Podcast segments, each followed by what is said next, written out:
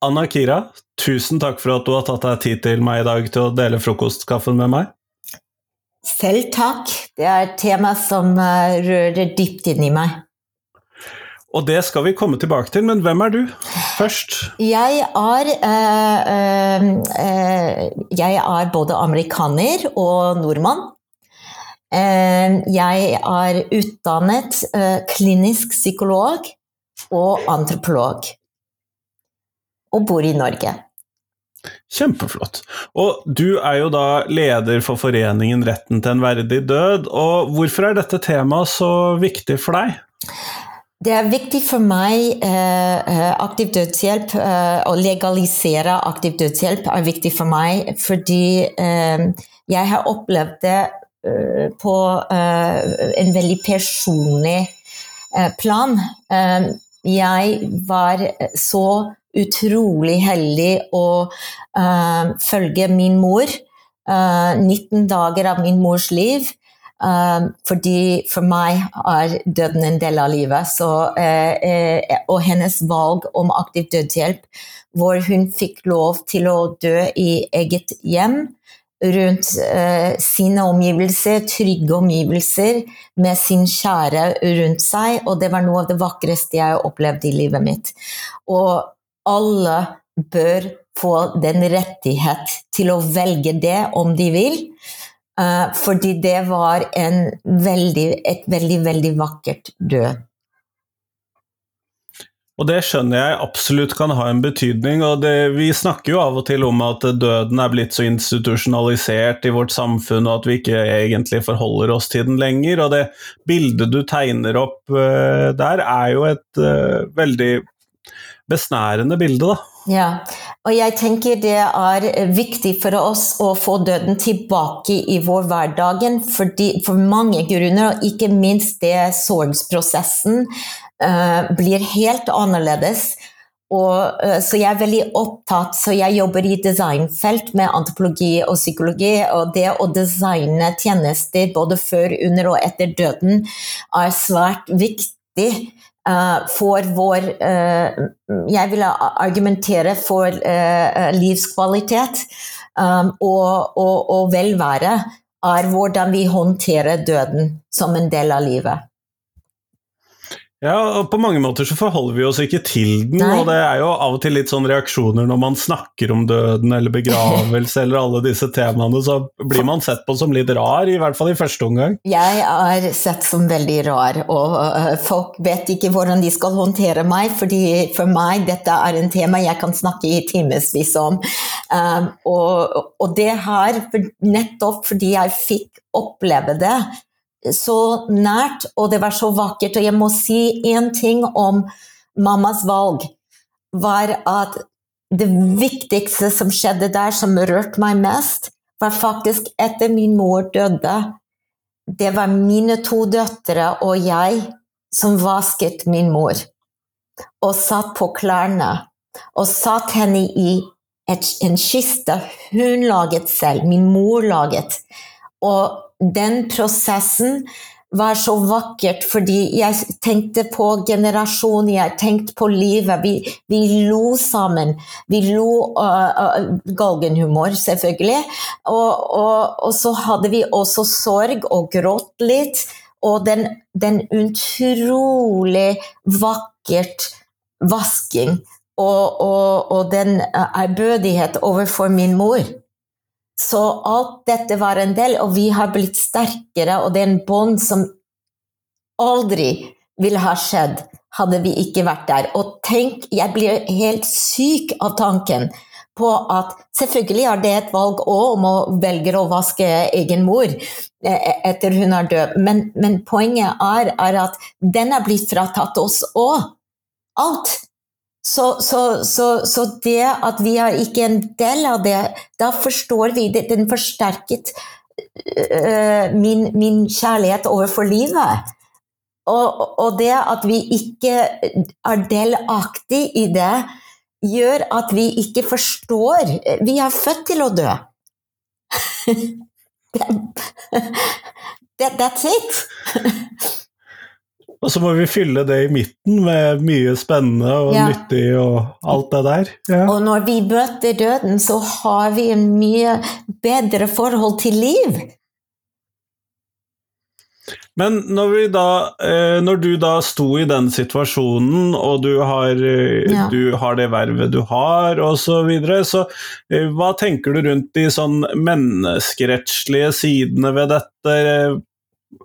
Jeg mener eh, det er en fundamental menneskerettighet til å velge over eget liv og egen død, så lenge som man ikke skader andre. Ja. Uh, og jeg, jeg sliter med å være uenig med deg i det. Uh, Du kan eh, prøve. Så god er jeg ikke til å være djevelens advokat, fordi eh, jeg opplever jo at den autonomien i livet som jeg opplever å ha, og så kan man jo si at den er begrenset på mange måter, så opplever jeg jo at det er et Det er rart hvis ikke jeg skal ha autonomi også for de siste minuttene av mitt liv. Ja, og jeg tenker det er en brudd på en fundamental menneskerettighet. Um, det, det, det, jeg, jeg, jeg fatter ikke det, um, fordi jeg ville forsvare til døden rettigheten til å leve så lenge som man vil, hvis man vil leve i torturert eh, tilstand og uh, eh, med, med uutholdelig lidelse. Det er helt greit. Jeg vil forsvare din rett til det. Like mye som jeg forsvarer den retten til å si 'nå er det nok'. Nå er det nok. Og det for meg handler om om man har en uhelbredelig sykdom, om man har en kronisk lidelse, om det er fysisk kronisk lidelse eller psykisk kronisk, eh, kronisk lidelse, eller om man rett og slett har hatt en komplett liv og opplever 'nå har jeg levd nok'. Det, ikke- som man ofte har kalt 'mett av dage'. ja, helt riktig. Og, og, det er ikke jeg som skal bestemme over det. Det er ikke en lege, det er ikke en politiker. Det er et høyst personlig valg. Like mye som det er en høyst personlig valg å si 'dette vil jeg ikke gjøre'.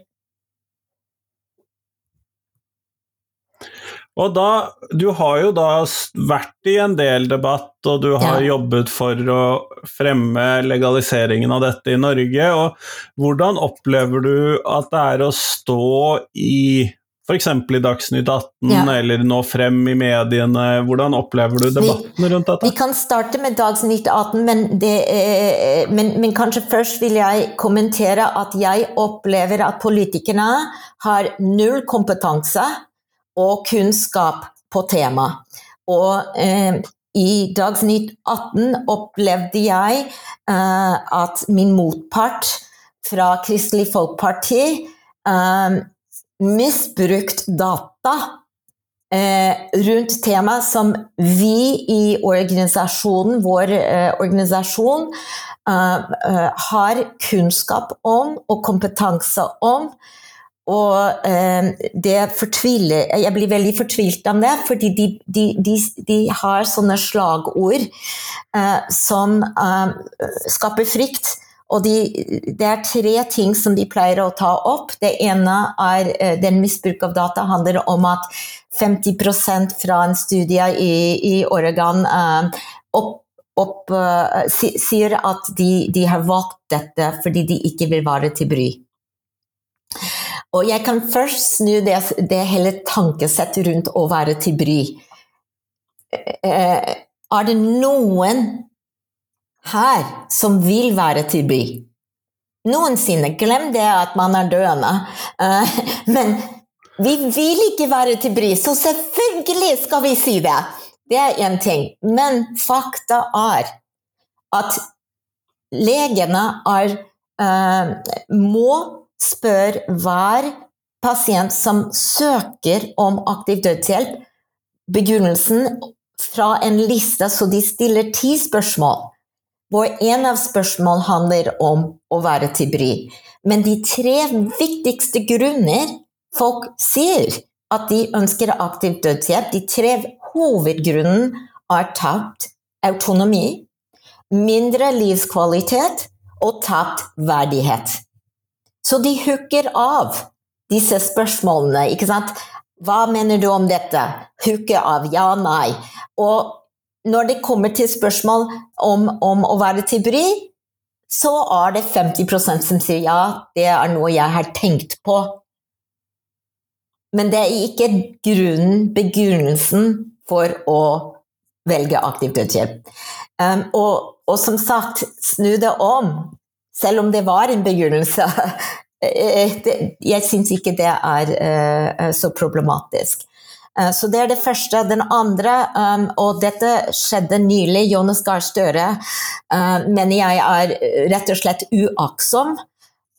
fordi han og dette er en sitat fra ham, at land som har prøvd dette, sklir ut i et umoralsk landskap. Og for det første, land prøver ikke dette. De har legalisert det.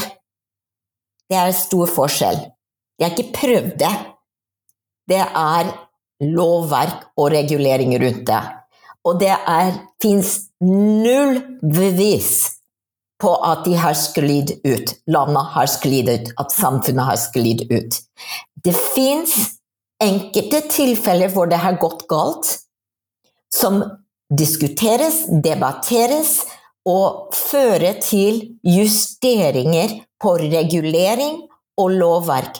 Og jeg har tro på et samfunn, at vi som et samfunn, det norske samfunn, har evne til å regulere og skape lovverk rundt aktiv dødshjelp, og kan justere underveis.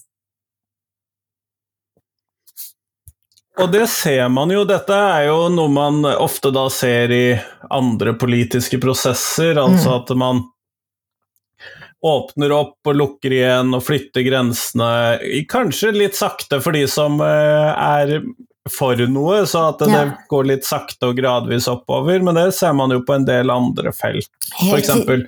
samliv eller rus eller andre ting. Det, ja. Helt riktig, og, og, jeg bruker som eksempel for, fordi det er en redsel at det kan gå galt med et, et enkelte tilfeller. Eh, er ikke nok grunn til å ikke gjør det, fordi da bør vi ikke få lov til å kjøre bil, fordi vi har regulering rundt bilkjøring, men hvert år dør folk ufrivillig uh, på grunn av uh, uh, noen som kjører bil på en feil måte, eller påvirket av alkohol, eller hva det måtte være. Og, og, men vi kjører bil fortsatt. Selv om det er uaktsomt dødsfall hele tiden rundt det. Og dette er litt av det samme for meg. Hvis det gir mening. Ja. Men når du da eh, prøver også å nå fram med dette, da opplever du jo ikke at de du møter nødvendigvis kan så mye om dette, men eh, Opplever du at avisredaksjoner eller eh, NRK osv. andre sånne forstår denne typen problemstillinger? Nei, jeg tror uh, jeg, jeg, er veldig fortvilt i Norge. Vi, det er et veldig lukket system som jeg opplever veldig diskriminerende uh, rundt dette temaet. Og nå i det siste har det blitt mer og mer, og det er jeg glad for, men, men det å Dagsnytt tross alt ringt meg og ba meg om å komme inn, så jeg kan ikke si at de, de ikke har gjort det, men de har ikke gjort det nok. Uh, bruke det kunnskapet og forbereder seg basert på uh, grunnleggende kunnskap og statistikk rundt dette. Motparten bruker det hele tida og misbruker det, men vi får ikke lov til å komme inn med fakta og, og, og, dette faktabasert uh, kunnskap Jeg blir veldig frustrert, fordi da opplever jeg litt Trump-aktig forhold, hvor uh, folk kan si hva de vil, og, og, da blir det fakta. Istedenfor at vi faktisk ser på forskningen rundt temaet.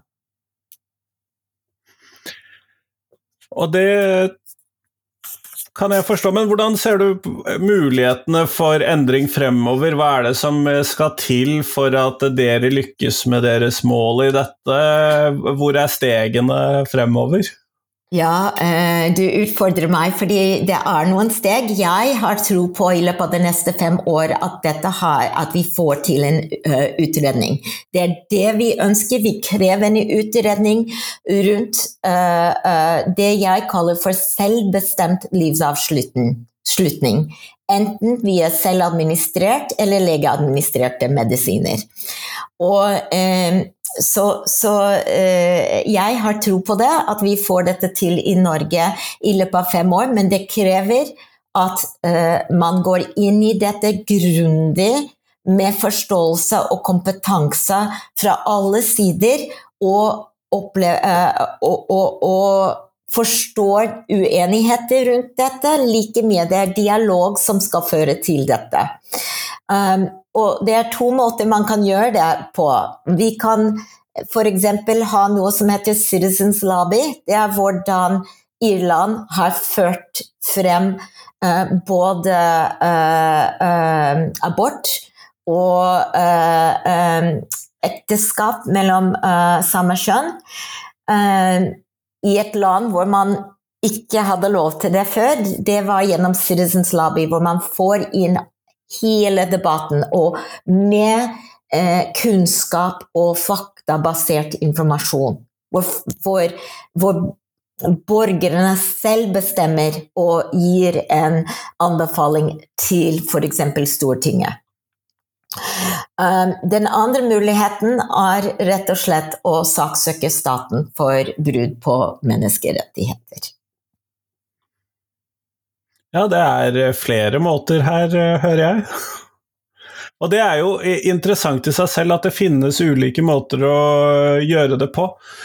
En av de som lytter på oss, Anna, har eh, kommentert i kommentarfeltet, og jeg lurte på om jeg skulle se hva du tenkte om det, og det er Martin som skriver det at Erna og Jonas snakket jo også om frykten for å være til bry, og han skriver man føler seg vel bare til bry hvis vi ikke har tilstrekkelig offentlig hjelp. Da er ikke problemet innføringen av aktiv dødshjelp, men manglende utbedring av annen offentlig hjelp. Disse to går ikke på tvers av hverandre, snarere tvert imot. Og så lurte jeg på hva du tenker eh, med utgangspunkt i det? Og det var et veldig godt spørsmål du har rundt uh, innføring av aktiv uh, dødshjelp og problemet med manglende utbedring av annen offentlig hjelp. Jeg er, for det første, når det gjelder uh, helsevesen, så mener jeg at til, selv om vi har verdens beste helsesystem, så vil vi fortsatt ha behov for aktiv dødshjelp. Så for meg handler det om begge deler, ikke enten-eller. Og dette også gjelder palliativ omsorg, som er omsorg man får i siste uh, livsfase.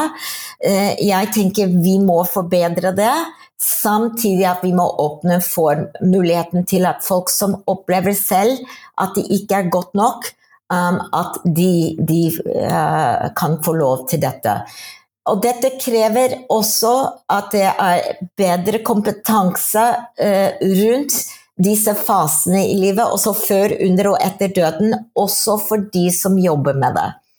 Så helsevesen trenger eh, mer forståelse, men, men, for meg er dette en begge deler, ikke en enten-eller-spørsmål. Og de er veldig, så, så, min forståelse av politikerne er at de ser for seg i frykt at uh, man uh, sklir ut, og det de mener med å skli ut, at man ikke setter moral og etikk på det. Og det opplever jeg veldig arrogante, fordi jeg opplever meg selv som en ekstremt moralsk og uh, etisk person hvor jeg, jeg, jeg, er veldig opptatt av etikk og moral. Eh, og, og, og, dette er en personlig moral og etikk som fører til valg om man ønsker aktiv dødshjelp eller ikke. Um, men det å si at hele landet sklir ut, det, det har jeg litt mer tro på samfunnet, litt mer tro på mine medborgere, at vi ikke tillater at vi sklir ut i dette tilfellet. Kjempeflott. Tusen takk for det, Anna. Eh, siden vi har litt problemer med å kommunisere, så må vi nesten kutte dette litt før vi hadde tenkt til å kutte. Og jeg er veldig glad for at uh, du, Anna, kom på uh, sendingen med meg i dag. Og jeg er glad for at dere som hørte på, har vært med på det. Så tusen takk.